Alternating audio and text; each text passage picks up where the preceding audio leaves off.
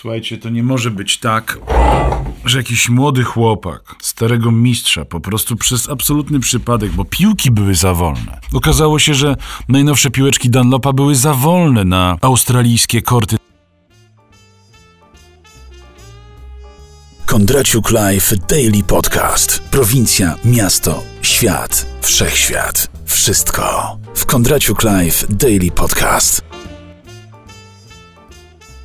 Kochani, cześć, dzień dobry, witam Was bardzo serdecznie w jakże oczekiwanym Kondraciuk Live Daily Podcast, Run Forest Daily Podcast, Run Forest Podcast, Weszło FM i co tam sobie tylko wymyślicie, słuchajcie, emocje już opadły. E, Kurz można spokojnie wycierać ściereczką z kortów. W Melbourne Australian Open zakończył się nadzwyczaj spodziewanie i niespodziewanie zwycięstwem e, Nowaka Diokowicza, ale ja nie o tym. To, że Rafa Nadal powracający po mocnej kontuzji nie dał rady e, stawić czoła po prostu serbskiemu zawodnikowi, to, to w ogóle nie ma znaczenia, słuchajcie. To, jest, to, to dwie legendy walczą o to, yy, aby dogonić trzecią legendę, czyli Rogera Federera, o którym chciałbym tutaj wspomnieć, jakby mm, zdradzić wam kulisy rozmów podczas Australian Open wielkich yy, magów tenisa. Rozmawiałem z Matsem Wilanderem, rozmawiałem z Johnem McEnroe i z Borisem Beckerem. Wszyscy ustaliliśmy jednogłośnie. Słuchajcie, nie możemy zgodzić się na to, by młodzi, niedoświadczeni zawodnicy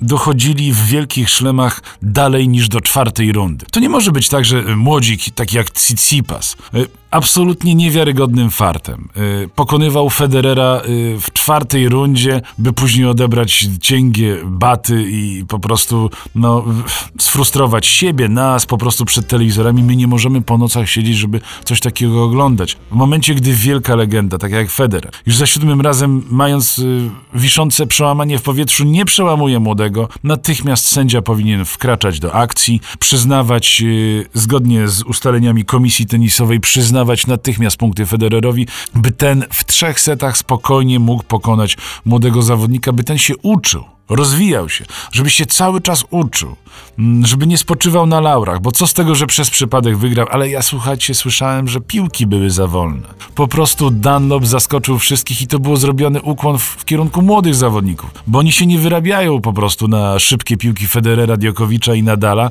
więc y, okazało się, że organizatorzy nie powiedzieli Federerowi, że piłki będą wolniejsze, dlatego było tyle ram z forehandu. Federer nie mógł po prostu y, trafić w piłkę. Mógł w tym czasie zapalić papierosa, wypić kawę, a piłki nadal by nie było. Więc słuchajcie, yy, ten skandal wisiał w powietrzu, ale ponieważ to jest biały sport, tutaj skandale są mocno ukrywane i tutaj w wąskim gronie ustaliliśmy, że tak dalej być nie może. Hmm. Kochani, nie ma na to zgody. Poszliśmy nawet dalej. Otóż y, interpelowaliśmy, żeby ustawowo wykluczać po dwóch setach młodych zawodników, bo przecież tenis jest najważniejszy. No. To tyle, jeśli chodzi o przejrzystość w tenisie. To mówiłem ja, ja Żąbek. Pozdrawiam wszystkich, łącznie z prezesem. Trzymajcie się cieplutko. Ja tu jeszcze sobie w Melbourne pogram i do usłyszenia. Bye. Zostaw opinię, komentarz albo recenzję. Facebook, iTunes, YouTube, Spreaker. Z góry dziękuję. Daniel Kondraciuk.